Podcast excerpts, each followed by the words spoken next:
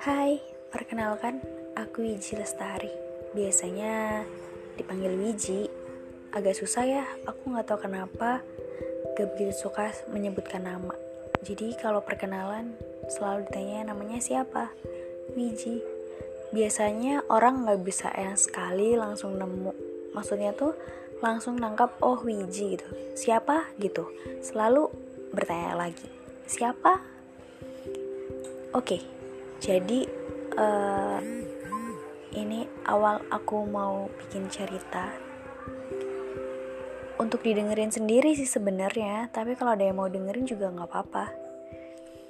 Ini hari pertama aku menjadi pengangguran I think no